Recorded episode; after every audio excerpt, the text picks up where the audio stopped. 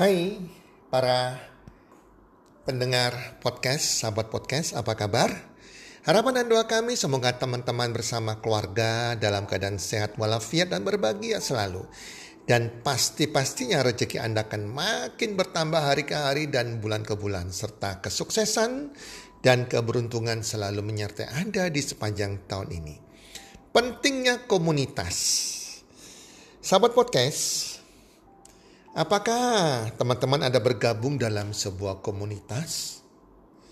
Seperti komunitas grup WhatsApp, komunitas grup Facebook, dan lain-lain.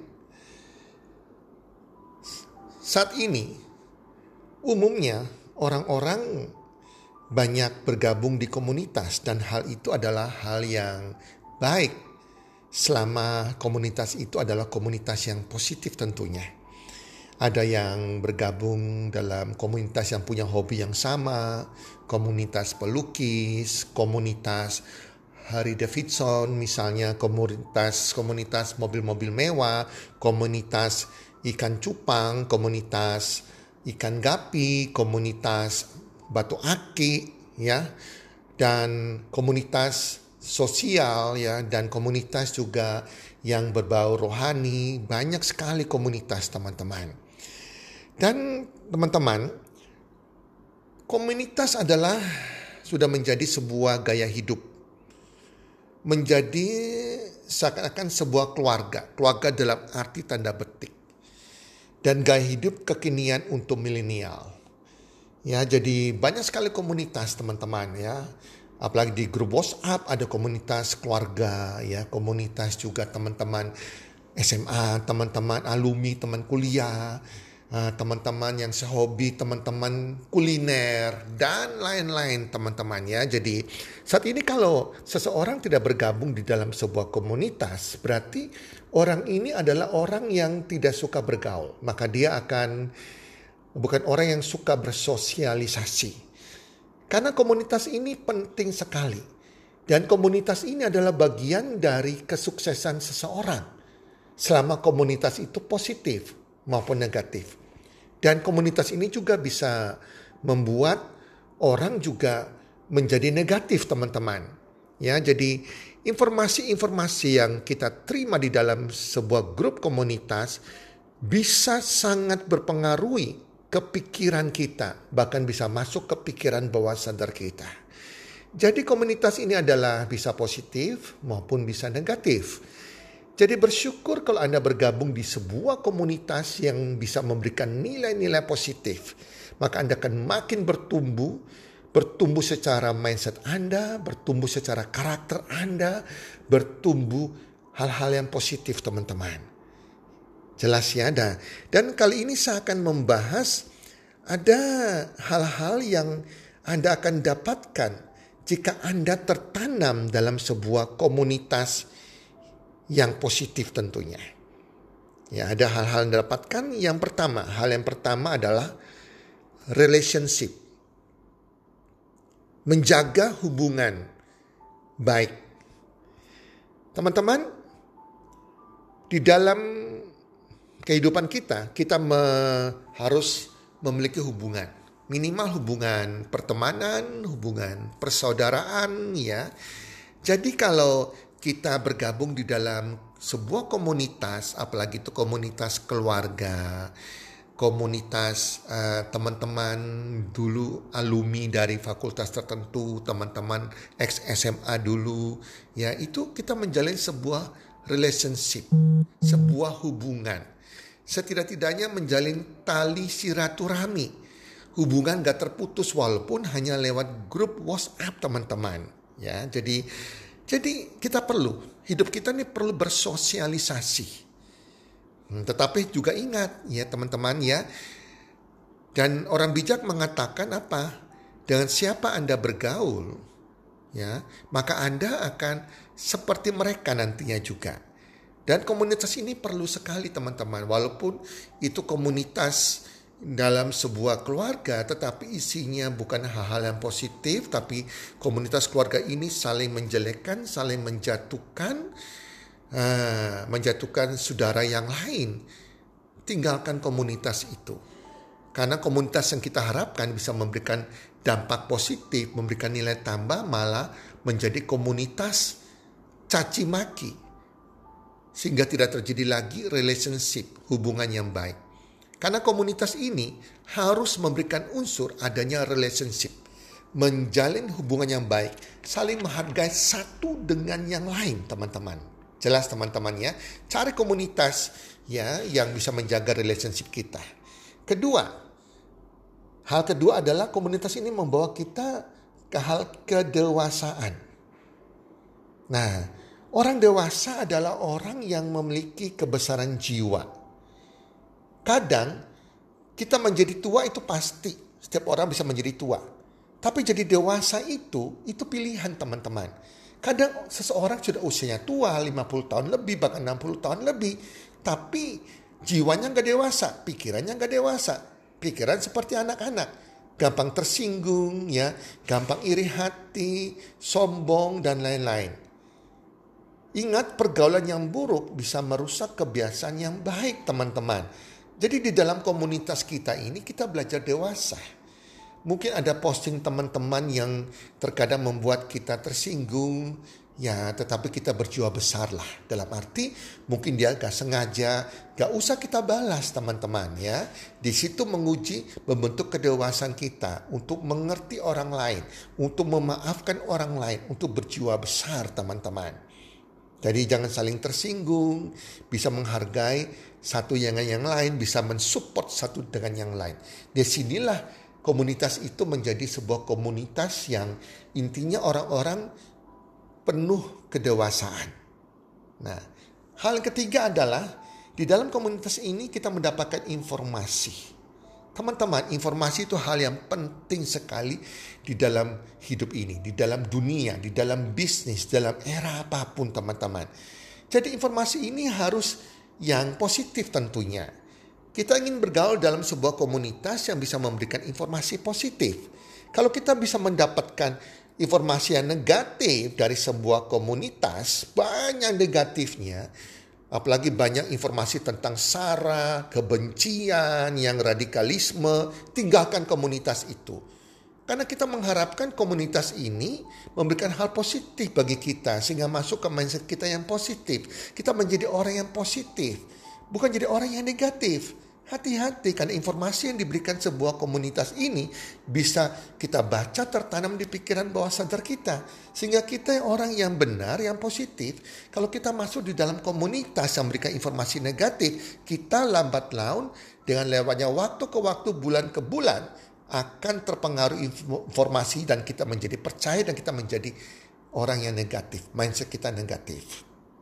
Jadi hati-hati ya. Jadi pilih komunitas Anda yang tepat yang bisa memberikan informasi yang positif. Nah, keempat komunitas ini harus bisa memberikan kita nilai tambah. Nilai tambah adalah nilai-nilai yang positif tentang kehidupan kita sehingga hidup kita bisa menjadi lebih baik. Bersyukur Anda memberikan mendapatkan sebuah komunitas yang mengajarkan kepada Anda. Di situ ada coachnya, ada mentornya, yang menjadi adminnya. Jadi harus ada tanggung jawabnya. Jangan masuk ke sebuah komunitas yang tidak ada seseorang yang bisa bisa bisa bertanggung jawab di situ yang tidak jelas adminnya. Saya pernah ikut dalam sebuah komunitas di mana semua jadi admin teman-teman. Semua peserta yang masuk bisa jadi admin, bisa mengundang siapa pun di situ. Dan memang komunitas ini tidak ada hal yang bertanggung jawab, tidak ada bobotnya, tidak ada nilai tambahnya, apa pun diposting di situ. Yang negatif, yang jualan makanan, yang sara, yang radikalisme, semua ada di situ. Teman-teman, hati-hati ya. Jangan masuk pada komunitas yang seperti ini, yang tidak ada orang yang bertanggung jawab di komunitas itu, yang tidak ada mentornya, tidak ada coachnya. Masuk ke komunitas yang bisa memberikan kita nilai tambah, yang mengajarkan kita tentang hal-hal yang positif, tentang kehidupan, entah tentang karakter, tentang bisnis, tentang kesehatan, ya, tentang uh, pembentukan uh, tentang keluarga yang berbahagia, ya jadi cari komunitas yang seperti itu, yang ada coach, ada mentornya, yang bisa memberikan kita nilai tambah sehingga kita bisa bertumbuh teman-teman. Nah, yang kelima, yang terakhir adalah komunitas yang bisa merubah mindset kita. merubah pola pikiran kita ke pola pikir yang positif. Nah, di mana kalau Anda masuk ke sebuah, sebuah komunitas yang memberikan pengajaran, bukan motivasinya uang teman-teman ya. Banyak komunitas kita masukkan ke dalam sebuah komunitas yang motivasinya uang. Ujung-ujung uh, Anda disuruh ikut seminar tertentu atau membeli tertentu. Tapi di mana bersyukur Anda masuk ke sebuah komunitas yang di mana di dalam grup ini ada ada mentornya, ada adminnya yang mengajari, memberikan informasi tentang perubahan pola pikir kita, tentang mindset kita, pola pikir yang positif, yang di mana kita bisa bertumbuh menjadi orang yang positif, berhati positif, berkata positif, bertindak positif, sehingga kita akan menjadi sebuah manis tercekih.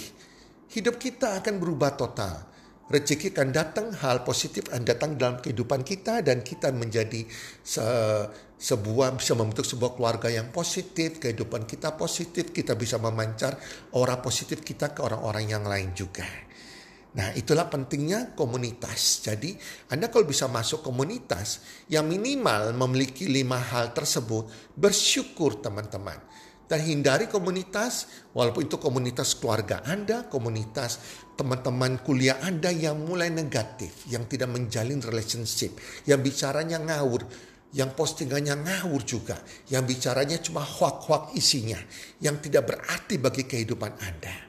Hati-hati teman-teman apalagi komunitas di bidang rohani, bidang agama. Kalau sudah mengajarkan bukan hal-hal yang positif, tapi berisi tentang ujaran kebencian, berisi tentang sara, hindarkan komunitas agama tersebut. Berarti itu ada hal yang salah di situ. Itu tidak akan membuat Anda menjadi lebih baik. Jadi intinya Anda masuk ke sebuah komunitas yang tepat, komunitas yang baik, Anda akan bertumbuh menjadi lebih baik. Tetapi Anda masuk ke komunitas yang negatif, yang salah, itu akan membuat Anda menjadi negatif. Membuat Anda jauh dari kesuksesan. Membuat Anda jadi seseorang yang tidak benar, teman-teman. Teman saya berubah sekali. Dia dulu adalah orang yang yang irit, yang hemat, yang bisa ngatur keuangan. Kemudian dia dimasukkan ke sebuah komunitas, ya, oleh temannya sebuah komunitas kuliner. Isinya hanya jualan teman-teman. Jadi tidak ada hal positif. Menjual makanan, menjual minuman, menjual pakaian, tas, menjual uh, sepatu, jam tangan, isinya semua jualan. Dan memang penjual di situ masuknya komunitas ini dan saya pernah berada di komunitas ini dimasukkan dengan sendirinya, bukan kita minta. Teman saya demikian, jadi teman saya ini dalam waktu tiga bulan lebih dia berubah. Kan begitu dia buka, dia masuk orang jualan, jualan, jualan, jualan. Sudah mulailah beli barang tertentu, makanan tertentu yang ternyata juga tidak enak teman-teman. dan ternyata lebih mahal juga daripada yang dijual di luaran. Mulai beli pakaian tertentu, mau beli uh, jam tangan tertentu. Jadinya teman saya ini bisa berubah total dari orang yang hemat yang bisa mengatur keuangan akhirnya berubah total itu gara-gara masuk ke dalam sebuah komunitas yang salah. Jadi teman-teman ya kalau Anda tidak bergabung dalam sebuah komunitas berarti Anda tidak punya tidak suka berhubungan sosial. Anda menjadi sebuah manusia yang agak aneh. Anda tidak suka bergaul. Bergabunglah dalam komunitas yang positif sehingga Anda bisa bertumbuh dan Anda juga mulai juga kalau ada dalam sebuah komunitas, Anda posting hal-hal yang positif, bukan hal yang hoax, ya, yang tidak benar, teman-teman. Karena itu akan menimbulkan dosa. Dosa zaman now adalah kita menyebarkan dalam sebuah komunitas, di dalam sosial media hal-hal yang berbau fitnah. Itu adalah dosa zaman now. Kita menyebarkan fitnah bukan lewat ucapan kita lagi, tetapi lewat jempol kita, lewat jari-jari kita.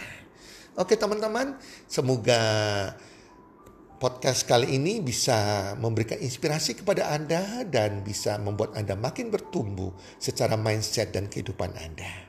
Salam sukses, one, two, three.